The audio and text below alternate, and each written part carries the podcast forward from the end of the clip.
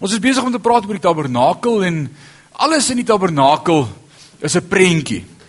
Die hele storie van die tabernakel is 'n prentjie, die meubels, die tent, alles saam vorm een prentjie en ons is besig om stukkie vir stukkie te kyk na daardie prentjie en wat dit vir ons beteken. En laasweek het ons net gekom by daai eerste gedeeltetjie in Eksodus 25 en ons het begin praat oor gee, die gesindheid van die hart waarmee God wou hê die volk moet gee. Dit was die eerste onderwerp en die tweede onderwerp het ons gepraat oor die ark van die verbond, die verbondsark. Die ark. En ons het 'n wonderlike tyd gehad net oor daardie twee. Alraai, dis 'n illustrasie van ons Here Jesus Christus. Daardie hele daardie hele prentjie wat vir ons opgeteken word van Genesis of Eksodus 25 tot 35 gaan ons dit vind. So ons gaan vir die volgende paar maande besig wees met die tabernakel. Wees gewaarsku. Alraai, en die wat tot op die einde getrou is, sal die groot blessing ontvang. Moenie nou net inspring en nou begin en dan langs die pad slap word nie. Ons gaan daarna kyk. Dis nie net 'n prentjie van Jesus Christus nie, maar is ook 'n prentjie van ons lewe in Christus en dis die groot deel wat ons gaan sien in hierdie simboliek. Dis nie net Jesus daai prentjie nie. Dis ook baie simbolies van ons wandel met Christus en sy verhouding met ons. Soos wat ons in die detail van die tabernakel gaan kyk, kan ons baie insig kry tot wat dit beteken om met Jesus Christus te wandel en wat lewe in hom beteken. En dit is awesome. Dis waar ons gaan draai en dis waar ons wil uitkom. Dit gaan oor ons verhouding met Christus. So kom ons sê heel eers vir mekaar, ons gaan net nou begin. Hierdie is net die inleiding. Daardie hele prentjie die tabernakel was ingedeel in 3 hoofgroepe. Alraight. Kom ek wys hom vir jou so. So ingedeel in drie hoofgroepe en ons gaan gou kyk na daardie drie gedeeltes of daardie drie hoofgroepe. In die eerste plek wil ek met jou vinnig praat oor die binnehof. Daai gedeelte binne daai raamwerk is die binnehof, daai stuk so. Dis die binnehof. Dis nie in die tent self nie. Kom ons sê dis die erf waarop die tempel gestaan het. Dis die binnehof. En in die binnehof was 100 L, so 100 L by 50L gewees. 100L by 50L. Nou 'n L is om en by 457,2 mm. Dit baie interessant is, elkeen van julle het 'n L. Dis van jou elmboog tot daar by jou punt van jou middelvinger. Dis 'n L. En almal dit is omtrent ewe lank. As jy nou 'n uitgegroeide persoon is, dan is 'n L omtrent ewe lank. 400 uh 57,2 mm. Dis 'n L se lengte. Soos die Here vir die ouens gesê het, soveel L dan kon hulle dit afmeet. Dis nou nie soos jou tyd daar by die huis wat weggeraak in die toolbox of jy weet nie waar is jou tyd nie. Jy het altyd die lengte by jou gehad. Dis 'n L. So hy was 'n 100 L. So kom ons sê hy was 45 meter so lank die hele erf by 22,8 meter. Dis nie baie groot nie. 22,8 by 45 meter. Dis hoe groot die hele heining was. Nou dis nie baie groot nie. Lyk dit klink dit vir julle groot? Dis nie groot nie. Om te dink dat die volk Israel of die kerk waarvoor hierdie tempel gebou word op daardie stadium om en by uit 3 miljoen mense bestaan. Dit was hoeveel Israeliete daar was. Om by 3 miljoen. Nou dan was hierdie glad nie groot gewees nie. So waar gaan almal dan inpas? Dink ek het Moses in sy hart tog vir die Here gevra, waar pas almal dan nou in? Maar as asof God van die begin af geweet het, almal soek hom nie gelyk nie en almal soek hom nie. Een van die eerste goed wat die Here met ons oordeel as ons kom by hierdie simboliek van die begin af het God geweet almal soek my nie. Dis hartseer, né? Almal wat sê Here, Here, soek nie die Here nie. Jesus sê dit self vir ons, almal wat sê Here, Here. Hy sê vir van hulle gaan weg, ek het julle nie geken nie. Dis asof God geweet het hulle sou hom nie op een slag almal soek nie. In die binnehof was daar twee voorwerpe gewees. Hier voor in die binnehof, daar's die die deur of die gate soos die Engelse sê, die hek of die poort. En as jy daarin beweeg het, was daar twee voorwerpe gewees. Die heel eerste voorwerp voor jou was die koper altaar. Dis wat jy heel eers daar gekry het. Ons gaan nie vanaand oor die simboliek van hulle praat nie. Dit doen ons as ons by hulle kom in die skrifgedeelte. Ek wil jou net so vinnig gou deur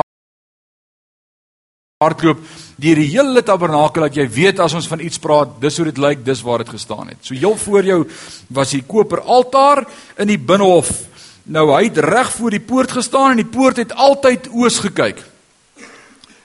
Daai poort het altyd na die ooste kant gekyk. Hier so so, was dan die ooste kant gerig gewees.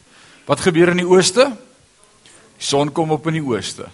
Hoe Daniël gebid na die ooste. Alraai, so daai die koper altaar gestaan en as jy by die koper altaar verby sou beweeg reg agter hom was die waskom, die koper waskom gewees, 'n groot koper bak.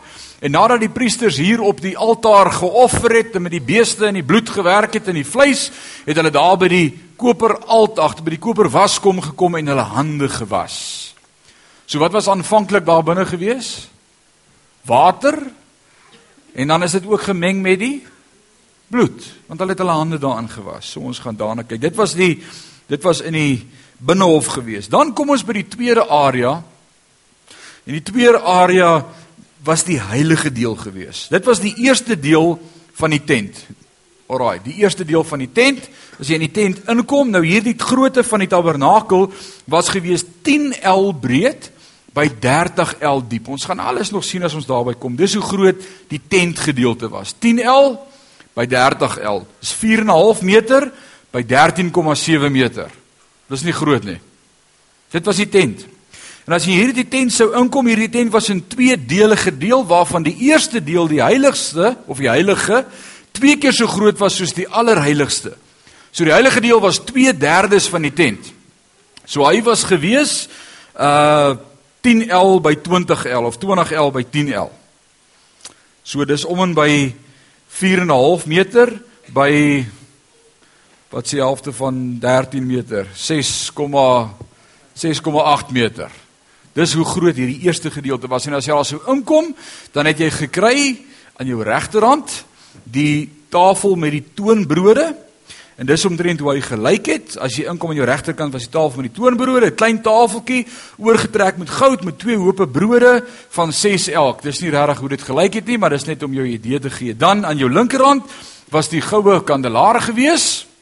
Dis hoe die goue kandelaar gelyk het. Uh nou dit was nie kersies wat daar gebrand het nie, hoor. Dit was actually klein olielampies. Daai was olielampies gewees. Elkeen moes olie kry elke dag. Dit was olielampies. So ook by die gelykenis van die 10 maagde met die olie in die lampies. Ons gaan daarby kom. En dan reg voor jou was die reukaltaar. Hierdie drie voorwerpe was in die heilige gedeelte gewees.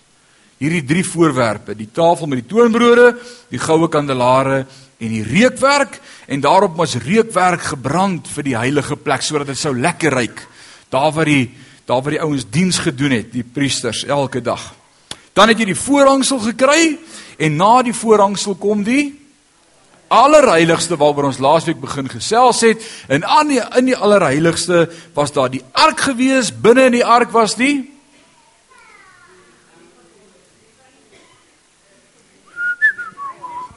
Wat was binne in die wet? Binne in die wet, die wet. Binne in die ark was die wet gewees Die getuienis van God wat opgeskryf sou word nog, die wet kom binne in die ark, bo op die ark die versoendeksel, bo op die versoendeksel die twee gerubs of die engele met hulle vlerke uitgesprek uitgesprei na mekaar toe en ons het laasweek in detail gepraat oor die simboliek net van daai ark. En was dit nie 'n blessing nie? Dit was 'n blessing geweest. Nou baie belangrik is enige persoon van Israel kon in die binnehof inkom.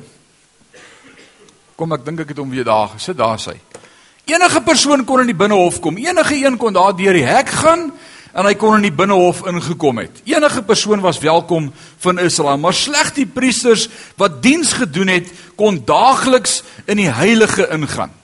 Hulle kon daar by die tent self ingaan. Israel kon nie in die tent ingaan nie. Dit was nie vir enige ou gewees nie. Dit was net vir die priesters wat diens doen in die tempel. So jy kon ingaan en jy kon gaan offer en jy kon dalk jou hande gaan was en dan jy weer uitgegaan. Dit was hoe ver jy gekom het by die of by die by die tempel. Dan was die priesters, hulle het in beweging, hulle kon elke dag ingaan en hulle kon gaan gaan gaan uh van die brood het hulle gediens en hulle het gesorg dat die dat die lampstaanders vol olie is en hulle het reukwerk gesit op die altaar en hulle het daar diens gedoen in die tempel. Dit was hulle werk gewees.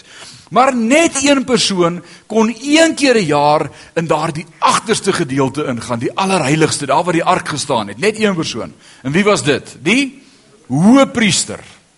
Die hoëpriester. Nou ons leer in die boek Hebreërs ook dat Christus is ons hoëpriester wat vir ons eenmaal sou ingaan om altyd voorspraak te doen met die Vader. Pragtig. Maar net een ou kon ingaan in die allerheiligste een keer 'n jaar. En dit was met die Yom Kippur, die fees van die Yom Kippur soos die Jode dit noem, of die dag van versoening. En op daardie dag van versoening moes hy ingaan om vir die sondes van die volk te offer voor God een keer 'n jaar. Maar hy het 'n groot verantwoordelikheid op hom gehad. Hy moes sorg dat sy lewe skoon was, dat hy afgesonder en geheilig was, dat daar nie verkeerde dinge in sy lewe was nie, want wat gebeur as jy met sonde in jou lewe voor God kom? Jy sterf. Nou nêrens in hierdie eerste gedeelte vind ons die volgende nie, maar die priesters het ook die gewoonte toe aangeleer om 'n tou om 'n enkel vas te maak van die hoëpriester as hy ingaan. Hoekom dink julle was dit nodig? So as hy dood gaan dan trek hulle hom net uit. Hoe het hulle geweet as hy dood is? Het hulle dag gewag?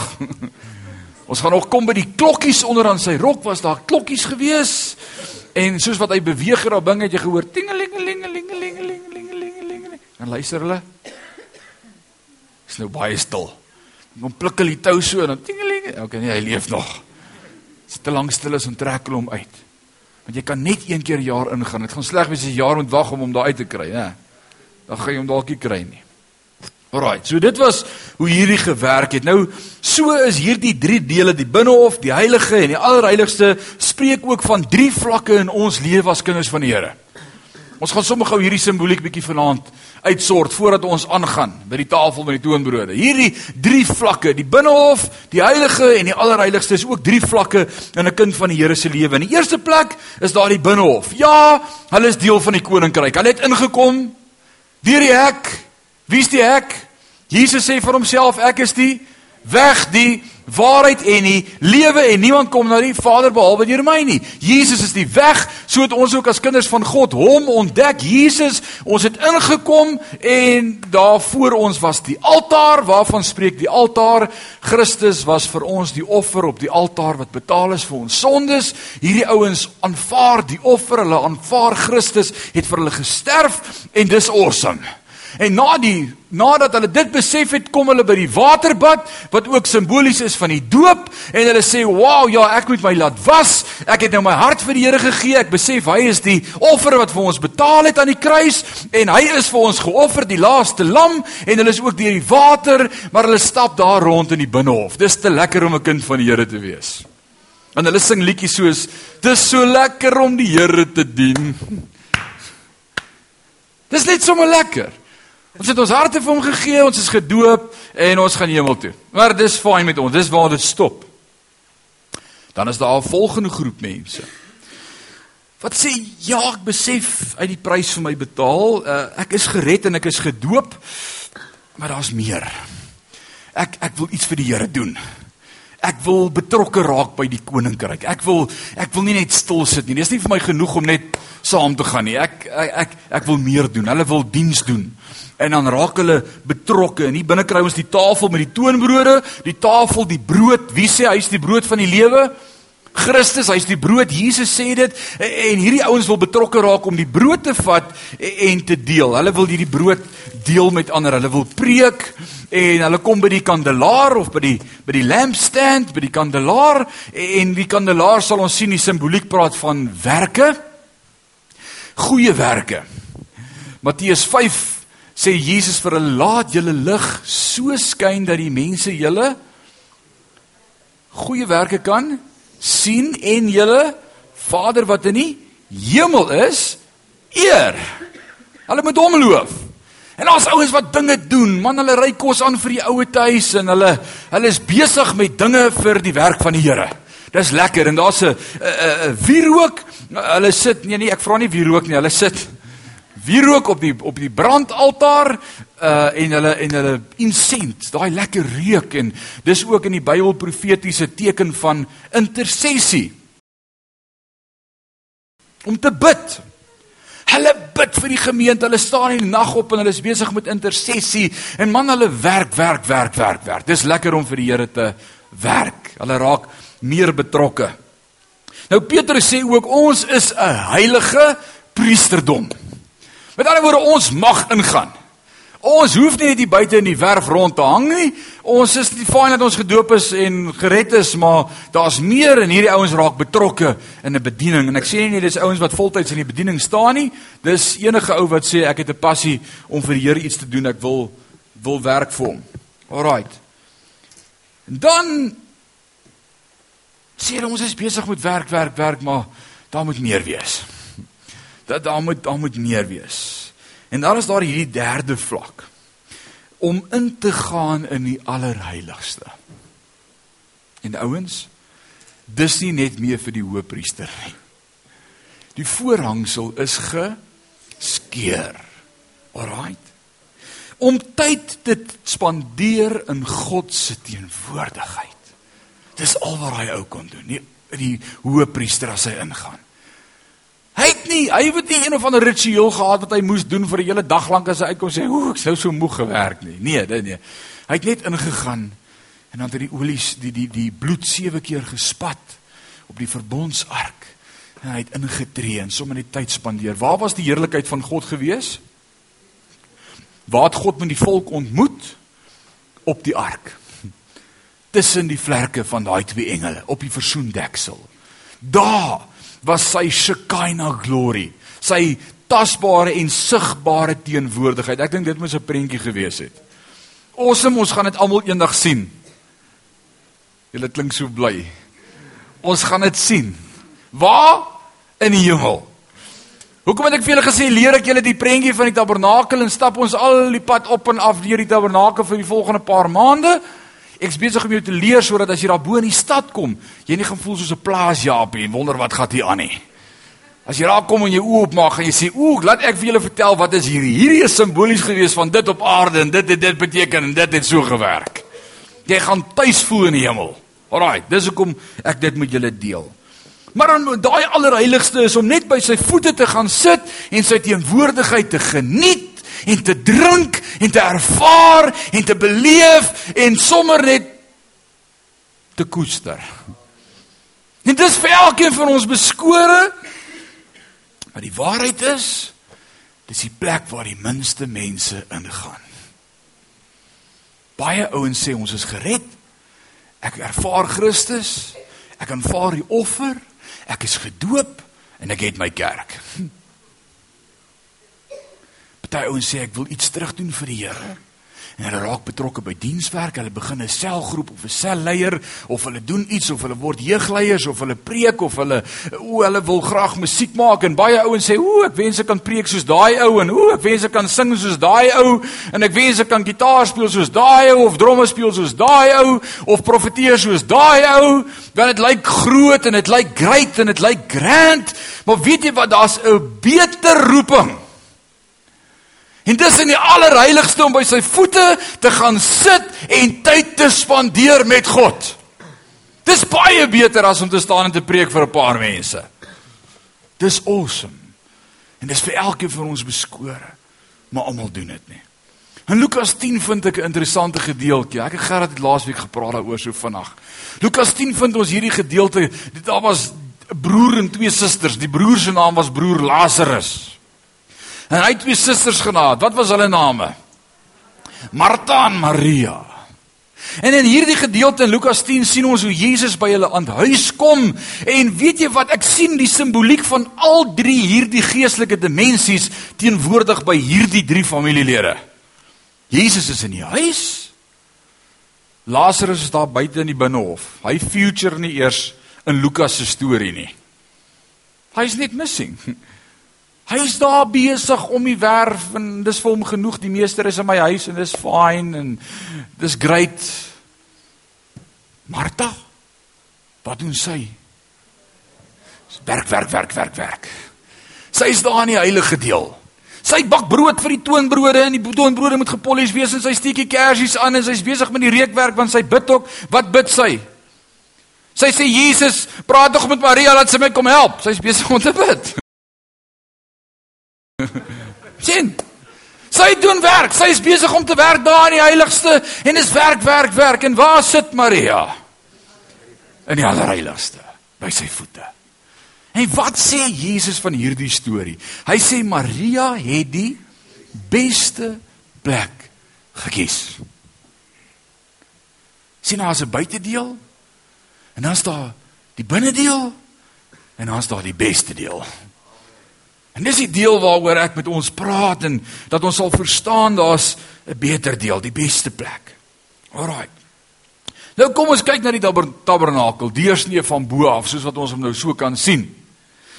En ons ons praat oor die ark. Daar heel voor daar binnekant was gewees die ark. Dan daar was gewees die wierook, die altaar met die wierook. Daai kant was gewees die kandelaar of die candlesticks. Hierdie kant was die tafel met die toonbrode. Hiervoor was die die die die koper waskom en hier voor die koper altaar. Nou as ons hierdie goed so van bo af kyk, daar so so en so af dan wil ek vanaand vir jou iets wys. Kyk dit so van bo af. Kyk dit so 'n bietjie so van bo af. Dan sê jy vir my wat sien jy? Onthou ek is besig om vir jou te vertel dat alles in die tempel, alles in hierdie tabernakel simbolies is van Christus. Kyk nou daar hoe werk dit. Daar het ons gehad sy die ark. Wat was op die ark gewees? Ek het dit laasweek vir ons geleer. Wat was om die ark gewees? Wat se hout is dit van gemaak? Akasia hout wat 'n doringboom is. En akasia is 'n 'n 'n 'n doringrige boom en daardie doringkroon wat hulle gemaak het om die ark. En daai doringkroon is ook oorgetrek gewees met goud. Waarvan praat die hout altyd in die Bybel simbolies of profeties? Menslikheid en die goud praat altyd van God se goddelikheid. Dit was 'n doringkroon en ons weet hy gaan weer gekroon word met 'n goue kroon. Simbolies van Christus. En waar was die doringkroon op die ark op die op die kruis gewees? Op sy hoof, waar het sy kop rond gestaan? Net daarso. Die doringkroon op sy kop. Kyk hoe mooi is die prentjie. Dan onder die doringkroon, daarso het ons gekry die wie rook die offer Dit was 'n insent. Ek wil sê dit was sy rug gewees wat oopgekats is. Wat oopgekats is, wat uitgetrek is stukke vleis. Sy rug. Sy skouers was gekats. Deur sy wonde is daar vir ons genesing. Hy het vir ons ingetree. En aan weerskante, wat het ons gekry weerskante in die ark?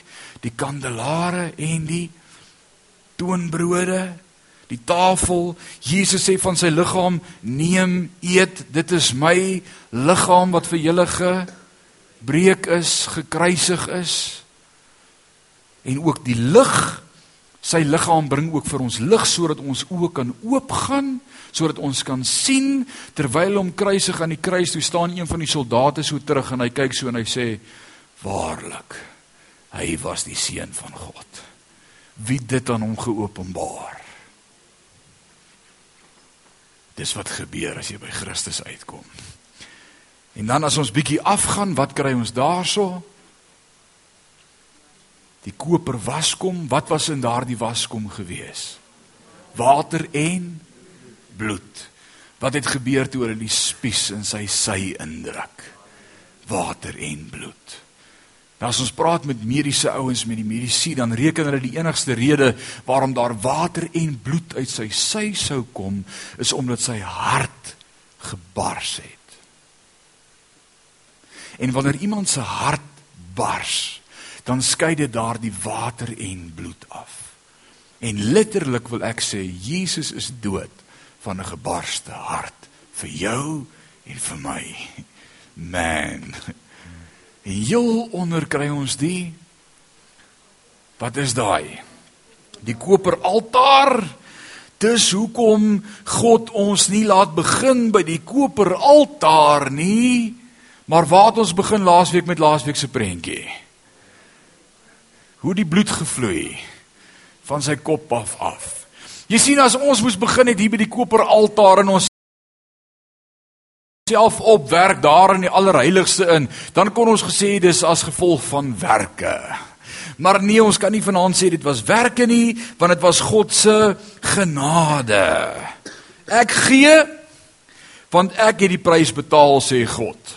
Hy gee sy seun, Jesus Christus. Ons het dit nie gekies nie, hy gee. Dit is nie werke nie, dis genade en dit beteken ek kan net kom.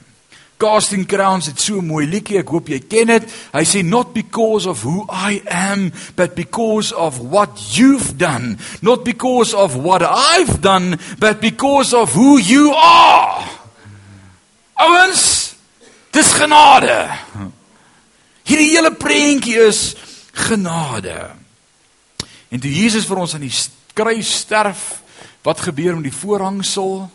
Hy skeer hom. En wat sê dit vir ons daardie geskeurde voorhangsel van bo na onder? God sê maak oop en kom in. Ek soek nie meer net die hoëpriester hier binne nie. Ek soek elkeen van julle hier binne. God wil hê ons moet kom tyd maak by sy voete en nie meer bang wees vir sy teenwoordigheid nie. Amen. God wil hê ons moet inbeweeg. Dis 'n oop uitnodiging. God soek ons dan in sy teenwoordigheid die allerheiligste wat spreek van genade. Ons fokus is so baie keer op die heilige en om diens te doen in die heilige gedeelte, Martha. En dan word ons soms grumpy as ons in 'n bediening staan en niemand wil ons help nie. Wie weet hoe dit voel? Ek weet. Ons raak is grimmig en ons raak grumpy en ons sê niemand wil my help nie, niemand wil saam met my werk nie en ek het alleen hierdie visie en almal sit net, party is daar buite en party sit hier binne by Jesus se voete. Hulle sit net die hele dag, hulle wil net daar sit en bid en worship, maar hier moet dinge gebeur. Iemand moet dit en dit en dit doen. Daar's werke om te doen. Jesus roep ons om te kom sit. Jesus roep ons om te kom sit. Is dit nie awesome nie? Into thy presence we come not by the works we have done but by thy grace and by grace alone. Man, this awesome. Nou dit was die intro, die eerste gedeelte. Dit was net die voorwoord. Nou kom ons vanaand by die teks. So kom ons blaai na ons teksgedeelte. Ons trek in vers 23 van Eksodus 25 en ons gaan vanaand aangaan deur te praat oor die tafel met die toonbrode. Awesome, ek is opgewonde oor vanaand.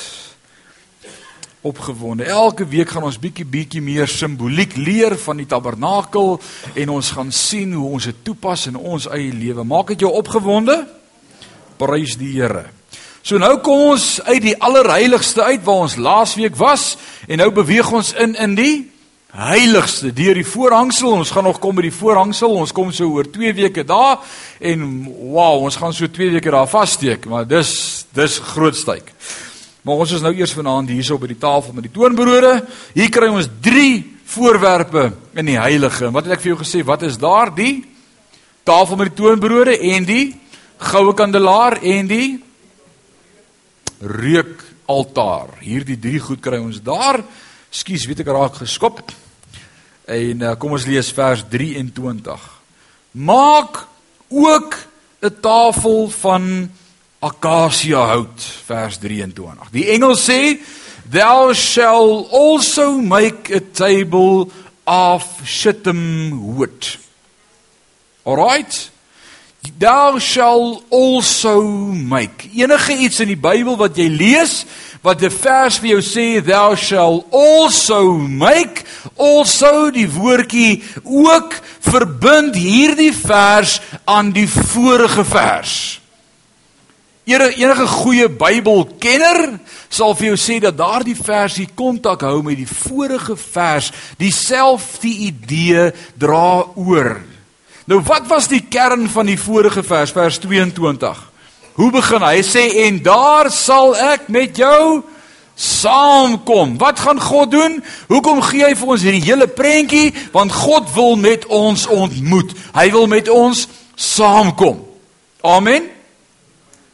So nou kom hy en hy begin vers 23 dit te sê, maar maak ook 'n tafel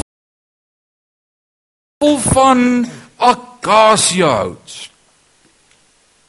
Dit beteken dat ons God ook hier by die tafel van akasie hou, die tafel van die toonbrode, ook so gaan beleef soos in vers 22 waar hy sê hier op die versoendeksel tussen die gerubs gaan ek met jou ontmoet. Hier gaan jy my beleef, hier gaan jy my ervaar en dan sê hy maar maak ook selfde konteks, selfde ken, selfde klem, maak ook hierdie tafel sodat ek ook daar met jou kan ontmoet.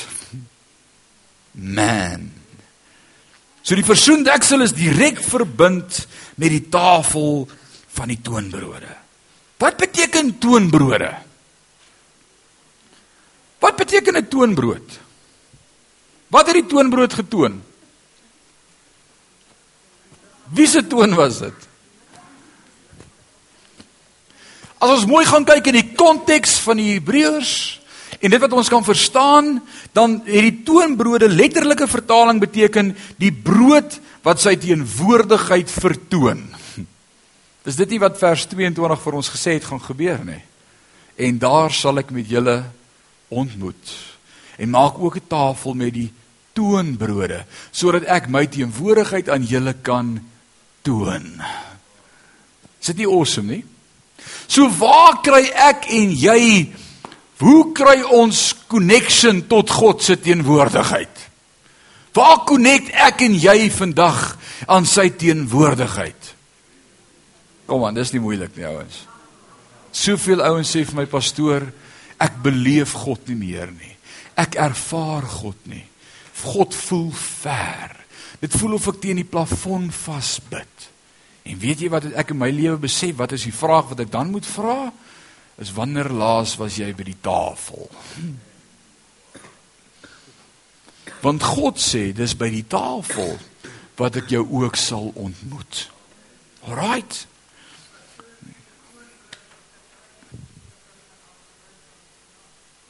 Die toonbrode is die brode wat hulle sou gebruik vir nagmaal. En ons gaan dit sien. Alraai, ek gaan dit vir julle wys. Wat sê Johannes 6 vers 35? Hy sê en Jesus sê vir hulle, ek is die brood van die lewe. En wie na my toe kom sal nooit weer honger kry nie en wie in my glo sal nooit dors kry nie. Ouens, as jy vir my sê was lanklaas in die teenwoordigheid van God, dan is dit omdat jy hom nie geëet het nie. Dis dit. Dis so maklik soos dit. Ek gaan dit vir julle wys vanaand. Dis wonderlik. Lukas 22 vers 19. Jesus met die instelling van die Pasga in die Nuwe Testament sê, daarop neem hy brood Jesus en nadat hy gedank het, breek hy dit en gee dit aan hulle en sê, dit is my liggaam wat vir julle gegee word.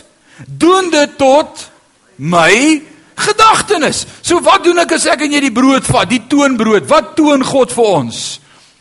Sy teenwoordigheid in Jesus Christus. Dis alles hier opgesluit.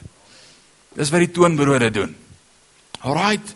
En dis hoekom dit verbind word aan die ark, want wat was die voorstelling van die ark? Wie is die voorstelling van die ark? Wie was die ark? Jesus Christus. En dan kom daar die volgende versie en hy sê en maak ook verbind dit daaraan. Alraai, dis sy liggaam. Maar hoe kom ek by die ark? Ek gaan sit by die tafel met die toonbrode. En ek wil vir julle sê dis hoekom min mense in die ark kan inbeweeg of van die allerheiligste kan inbeweeg en dan tyd spandeer by die voete van die Here.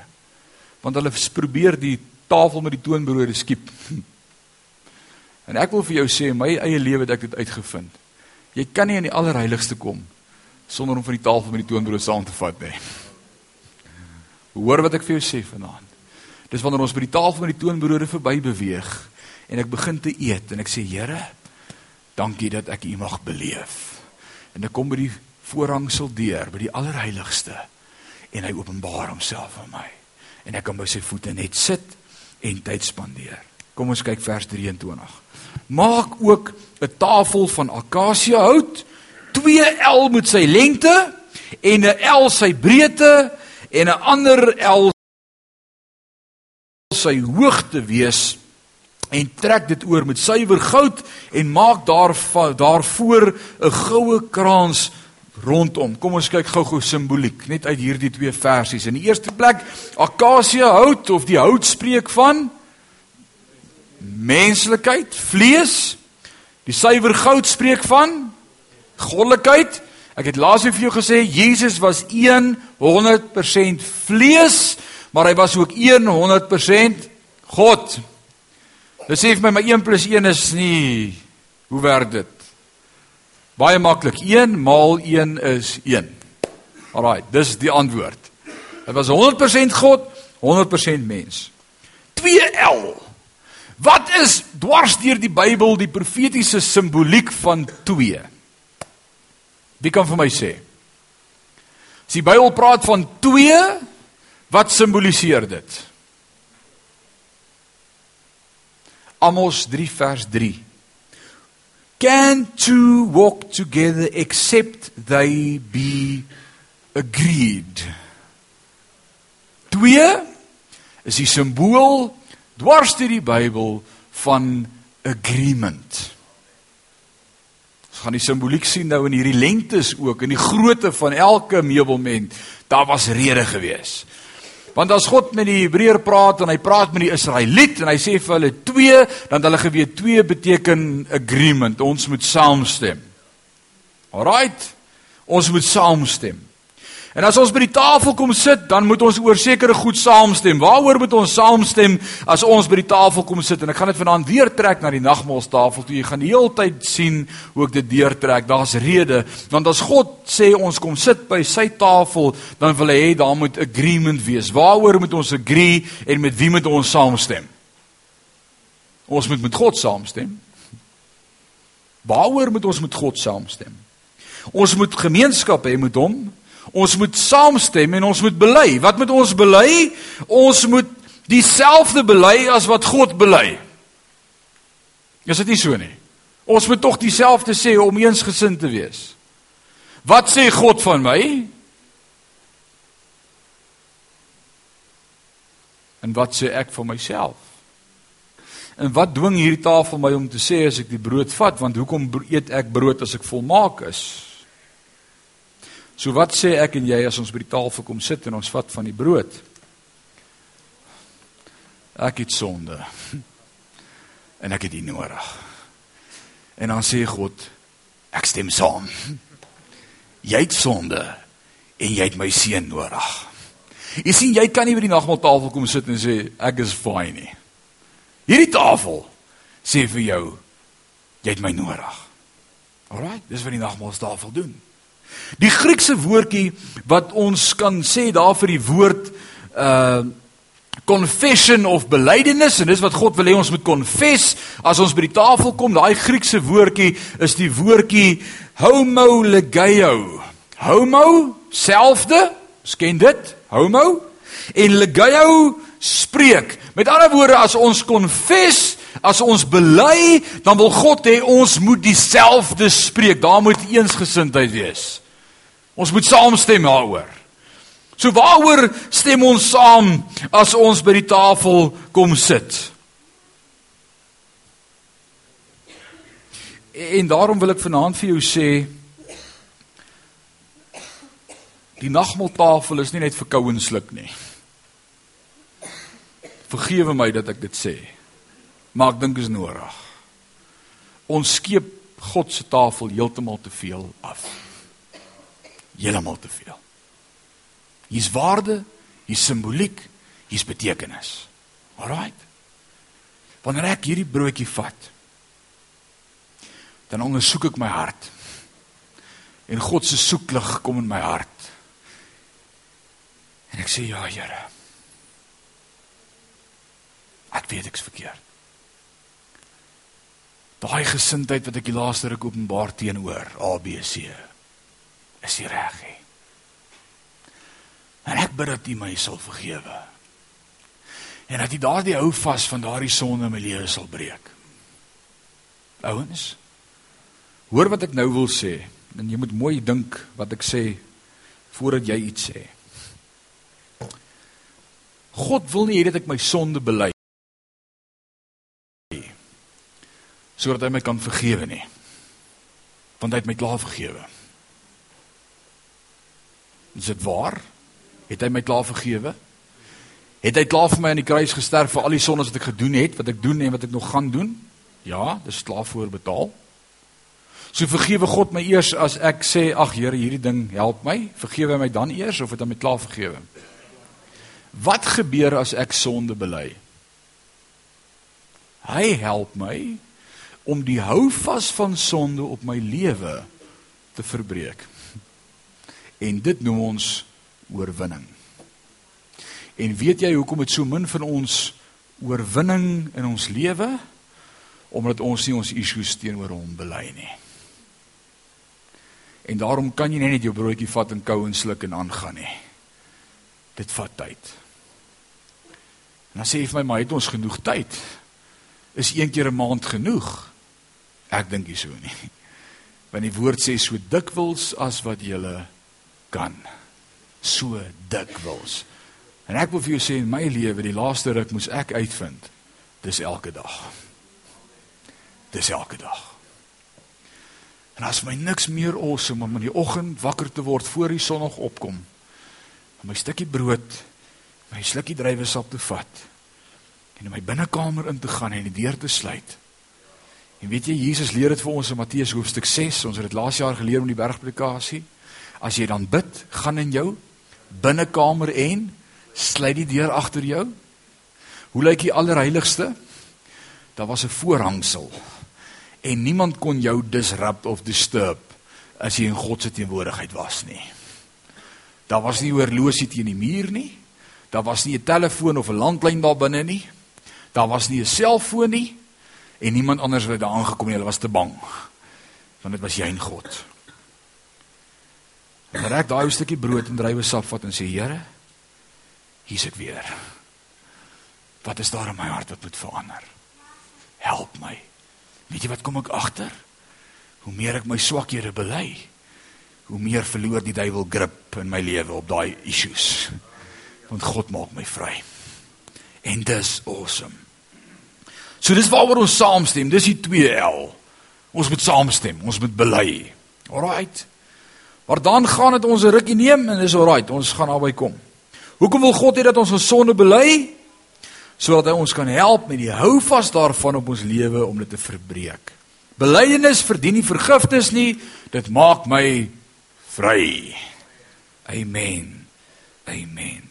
Nou sê vir my ja, maar 1 Johannes 1 leer vir ons as ons ons sondes bely, is hy getrou en regverdig. En ek dank die Here ons het 1 Johannes laas jaar deurgedraf.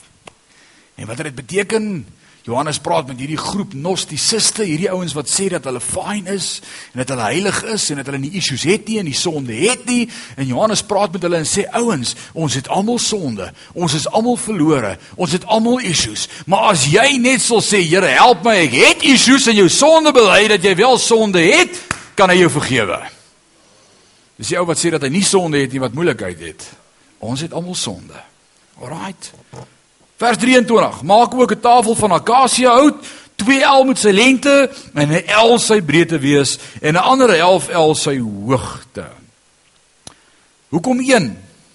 Ons het gekyk nou hoekom 2L? Hoekom by 1L?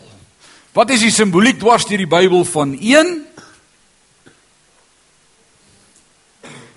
Een is die simboliek in die Bybel vir eenheid. Agreement. Eenheid in one accord eenheid. Met ander woorde, hierdie tafel is vir God so belangrik. Hier moet twee dinge gebeur by hierdie tafel. Ons moet saam met hom stem. Hy wil hê dat ons harte sal eerlik wees voor hom. Dat ons dieselfde sal sê as wat hy vir ons sê, dit kom nie hier met jy kom nie hier met 'n vals ding in jou hart en sê ag Here, ek dankie dat ek so oulik is. Uh en ek dankie dat ek die sonde het nie en dankie vir hierdie ou liggaampie en uh laat ek dan maar kou en sluk, ek het nog dinge om te doen nie. Nee, hierdie tafel konfronteer jou met wie jy is en jou posisie en jy sit en jy sê dieselfde as wat God van jou sê, ek het issues, maar help my en dan by 1L, daar moet eensgesindheid wees by die tafel. Nou interessant, ek het 'n bietjie gaan dink hoekom eensgesind. Weet jy baie min plekke in ons Christelike godsdiens vind ons almal eensgesind. Ons vind nie almal eensgesind nie. Ons spreek 'n preekie van voor af en ons deel 'n woord en ouens stap uit en die helfte sê wow, dit was great. 'n Derde sê, "Ja, dit was nou 'n bietjie rof." En die ander kwart sê, "Nee, ek weet nie, dit was daarom nie vir my vanmôre nie." Ons is nie eensgesind daaroor nie. Is dit nie so nie? Nee. Ons het awesome worship en ons aanbid die Here en dan sal party sê, "Ey, dit was bietjie hard vanmôre." Of dit was bietjie lank of dit was bietjie Engels of dit was net weer 'n klomp nuwe goed vanmôre. Ons is nie eensgesind as dit kom by ons aanbidding nie. O, ons is nie eensgesind as dit in ons klein groepe by die huiskerk is nie. Om Leon is almal eensgesind daar by jou elke woensdag aand. Hulle is bang vir oom Leon. Hy sê gelukkig ja. Daar's altyd ou wat sê nee man, ek weet daarom nie. Ek dink nie dis wat dit beteken nie. Ek stem nie so lekker saam nie. Oom Dries is julle almal eensgesind. Ooh, julle klomp skynheilige mense.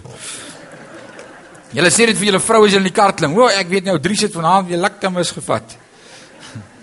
Jy wat kom by ons uit, ons hoor hierdie goed. Ons is nie almal eensgesind nie, man. Ons maar weet jy daar is een plek dwars deur die kerk universeel in elke kerk en elke in elke maak nie saak of dit uh, Pinkster of charismaties of uh protestants of hervorm is nie, daar's een plek waar ons almal dieselfde gesindheid het en dit is by die tafel van ons Here Jesus Christus. Almal sê dieselfde ding, dis sy liggaam en dis sy bloed. Ons is daaroor eensgesind. Ons is daaroor eensgesind. Die nagmaal. Vers 24 En trek dit oor met suiwer goud en maak daarvoor 'n goue kraans rondom. 'n Goue kraans rondom. Waar het ons dit gekry laasweek? By die by die ark.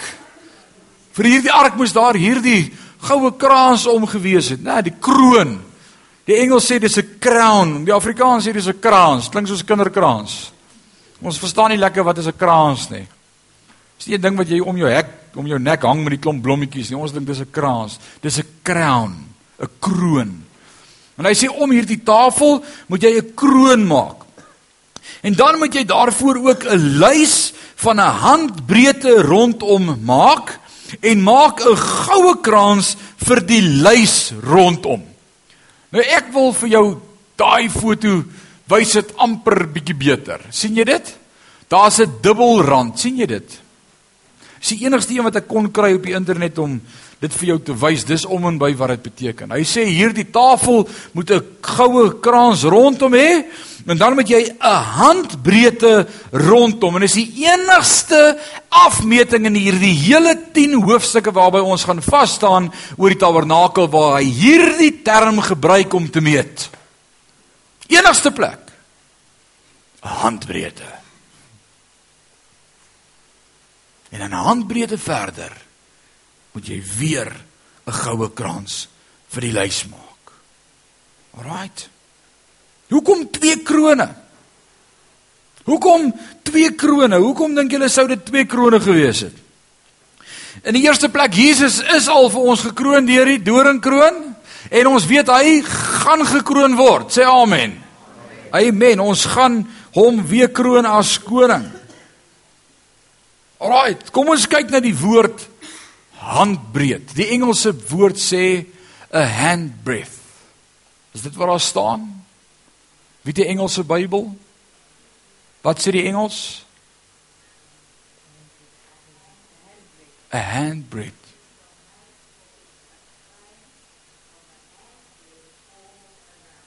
A handbreadth.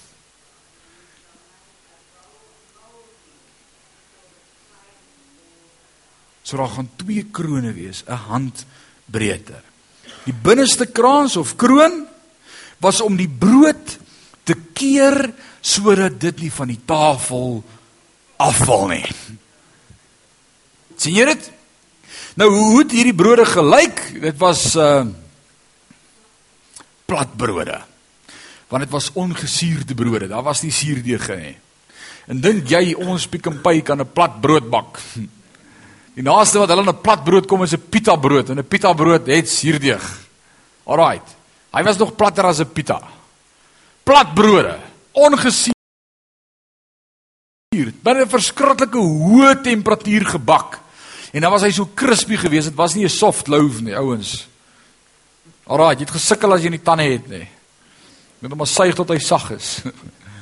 Dit was 'n harde loaf. En hoeveel brode was op hierdie toonbrood? Hoeveel toonbrode was daar op hierdie tafel gewees? 12. Twee groepe van 6. 6 op mekaar en 6 op mekaar. En dan hierdie binneste kroon gekeer dat hierdie brood nie van die tafel afval nie.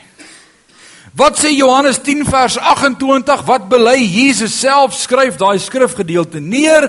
Hy sê en ek gee hulle die ewige lewe en hulle sal Dalk moet jy sien toe blaai want dit is 'n groot skrif hierdie. Hy sê en hulle sal nooit verlore gaan tot in ewigheid nie en niemand sal hulle uit my hand ruk nie. Ek hou die brode op die tafel. Ek hou hulle vas. Dis my hand wat jou vashou. Ouens, dis awesome. Twee krone. 'n Handbreedte. En Jesus sê my hand hou jou vas. Hm. Alrite. Dis om die brood vas te hou. Johannes 10 vers 28. John 10:28. Alrite. Wie hou wie se hand vas in hierdie lewe?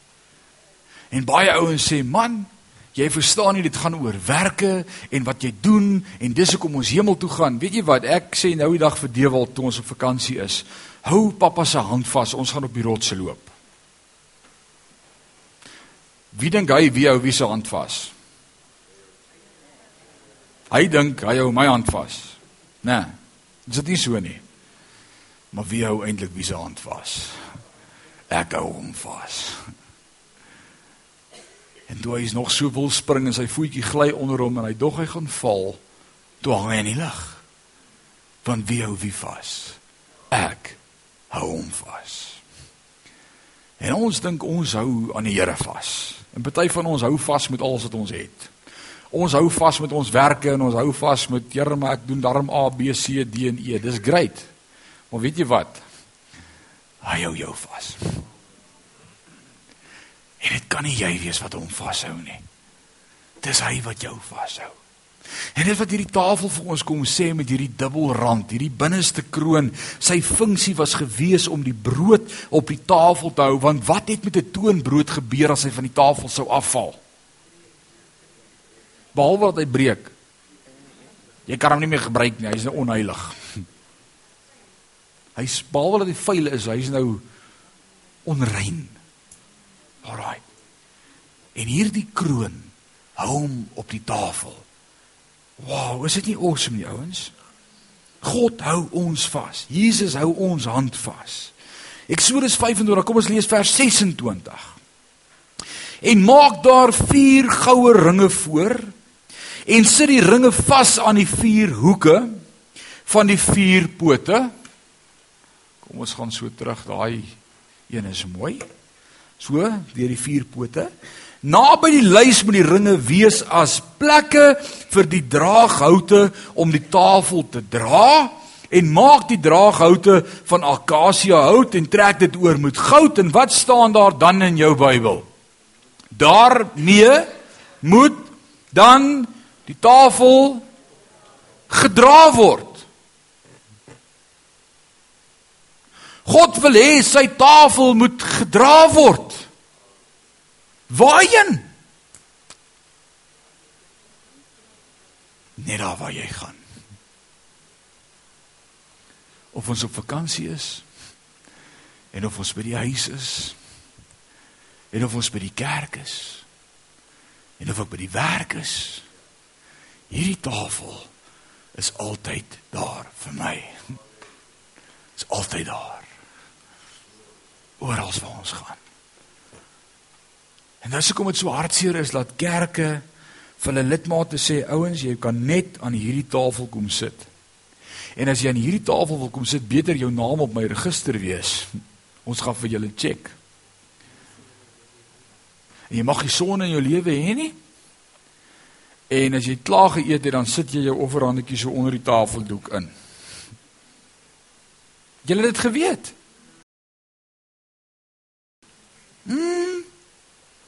Jy moet jou geld al neersit voor jy kan loop en die dominee gaan kyk wat gee jy.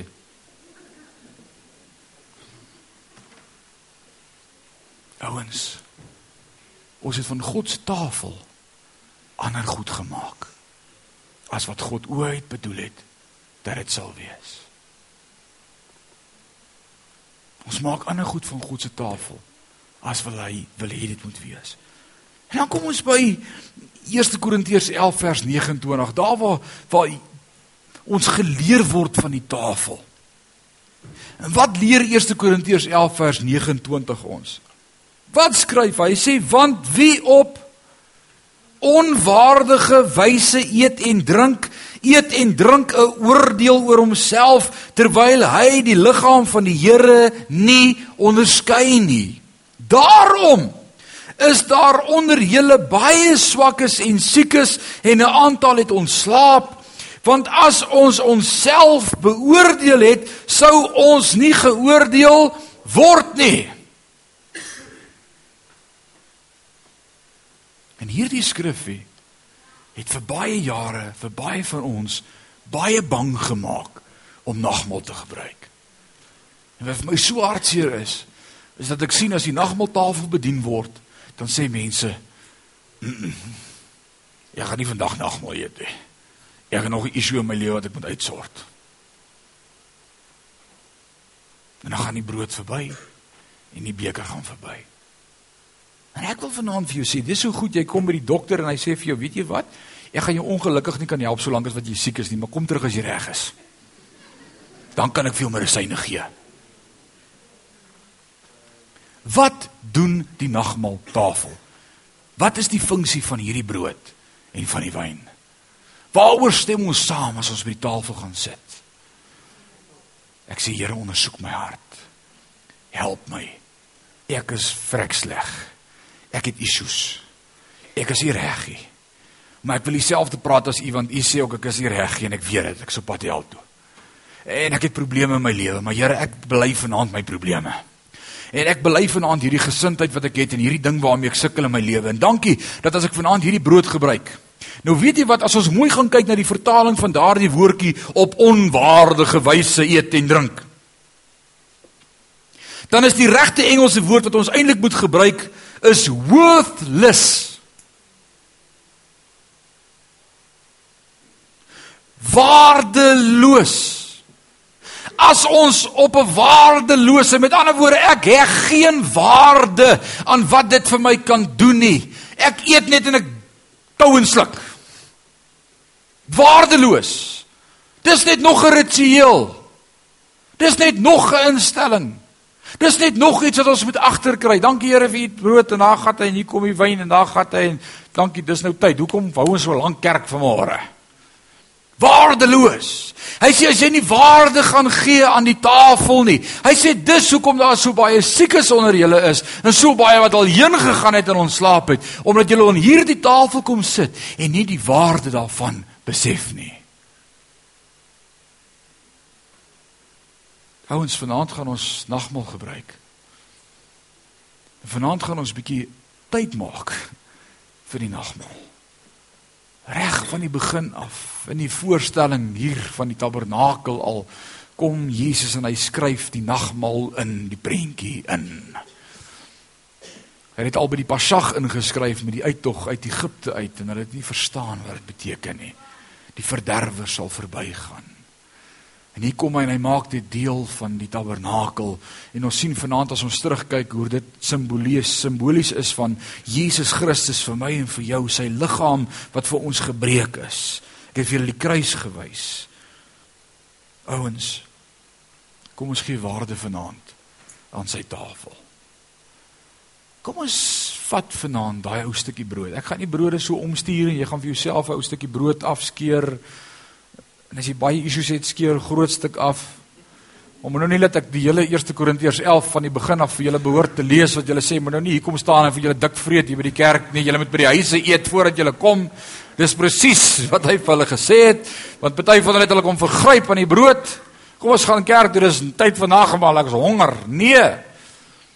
Dis om waardeloos aan die tafel te kom sit en nie waarde te heg aan wat dit eintlik beteken in my lewe nie. As jy vanaand wil waarde gee aan die tafel, dan vat jy daai ou stukkie brood vanaand. En weet jy wat? Jy hoef nie lidmaat van hierdie kerk te wees nie. Nou awesome. Pick and Pay en Spar het vir ons hierdie brood gebak met komplimente. Maar as jy vanaand daai ou stukkie brood vat, dan sê jy Here, dankie vir die tafel met die toonbrode. Dankie vir u hand wat my vashou. En die woord sê niks kan my daar uitdruk nie. Here, eintlik verdien ek dit nie. Want ek het baie issues in my lewe. Ek sukkel met verhoudings en ek sukkel met hierdie en ek sukkel met daai. Help my dat jou vas daarvan op my lewe gebreek kan word. Sodat ek meer en meer kan lyk soos wat U my wil hê. En kom ons gee vanaand waarde aan die tafel. En as ons klaar is met die brood en jy klaar gedeel met jou issues vanaand en jy klaar met God gepraat en jou hart skoon gemaak. En weet jy wat die awesome deel is? Wanneer jy eerlik is met God voor hom is hier kom sulke goed uit die hoeke van jou oë uit. Dit gebeur met my deesdae. Hulle sê is ouderdom ek weet nie. Ek dink dit is die teenwoordigheid van die Here. Want jy kan nie voor God gaan sit en met hom praat en dan gebeur niks in jou hart nie. Want God weet alles. Dan beweeg ons vanaand net so 'n bietjie in die allerheiligste in. En ons gaan sit so 'n bietjie by sy voete. En as jy vanaand hier op die grond wil kom sit of in die gangetjie wil kniel of daar by jou stoel kniel of op die galery wil gaan sit of wil lê, net net so 'n bietjie wees net gemaklik in sy teenwoordigheid vanaand. Met daai ou stukkie brood sê jy vanaand ondersoek my hart. Ken my hart. En as ons klaar is met die brood, dan kom jy vorentoe en jy jy's 5 nagmaal bekers, vyf glase met druiwesap, dan kom vat jy vanaand die beker en jy sê dankie Here dat u woord sê deur u wonde is daar vir my genesing. Dankie vir u bloed. U bloed verlos uit Satan se mag. U bloed verlos ook my. Dankie. En ons gaan vanaand sommer net bietjie in God se teenwoordigheid tyd spandeer. Is dit reg? Dis vroeg, is nou eers 10 oor 7. Ons het nog 'n hele uur om net vanaand bietjie rustig te word en net bietjie om te beleef in ons harte ondersoek. En as jy vanaand dink aan die simboliek en die simbool van die tafel, sê jy vir die Here, dankie dat U hand my vashou. Dankie dat U my bewaar. Dankie vir U genade. En dankie dat hierdie brood my verbind aan die verbondsarkie binne waar ek U teenwoordigheid kan beleef. Dankie vir die wet wat in Christus toegemaak is. Dankie vir die prys wat betaal is, die sewe keer se bloed wat hulle moes spat bo op die versoendeksel. Ek het vir julle laasweek die prentjie gewys van die twee engele weerskante van die graf toe Jesus opgestaan het en die graf leeg is. Daardie versoendeksel met die twee engele en sy heerlikheid is weg. Hy's nie meer daar nie. Dit was 'n simbool gewees daarvan. Jy begin vanaand vir die Here sê dankie vir oorwinning in my lewe. Dankie. Ouens, is dit reg? Gaan ons vanaand tyd maak. Amen. Amen. Uh Ek gaan die brood so oopmaak en stuur hom so aan. Ekskuus Gerard. Daar sy wat so 'n stukkie vir jou en dan stuur jy hom aan. Maak gou oop daar asseblief Brett. Stuur jy hom aan. Koop pas genoeg vir elkeen. Koop jy jou hande gewas. Bid maar voor jy dit eet. Ouens, sy tafel vanaand. As hierdie brood, ons hierdie broodjie vat, dan sê ons Here, dankie vir wat dit vanaand in my lewe doen. Dankie vir wat dit vanaand in my lewe doen. As daar by jou begin Tanya. Amen. Halleluja. Amen. So kom 12 brode, Rihanna vra nou vir my 12 brode, hoeveel stamme van Israel was daar? 12 so dit ontvou die hele Israel. Hoeveel apostels was daar? 12 dit ontvou die hele Nuwe Testamentiese kerk. Kyk hoe volmaak is die simboliek. Dis vir Israel, maar is ook vir die kerk. Dit was vir toe, maar is ook vir nou. Man, dis great. Dis great. As jy daai stukkie brood vat vanaand, dan ondersoek jy 'n slag jou hart. Praat bietjie met jou hart. All I need you. Ons bedoel dit vir 'n paar oomblikke. Steek jou hande in die lug en maak jou oë toe. All I need is you, Lord. It's you, Lord. All I need is you. Come on, all I need is you, Lord. It's all you. All I need is you, Lord.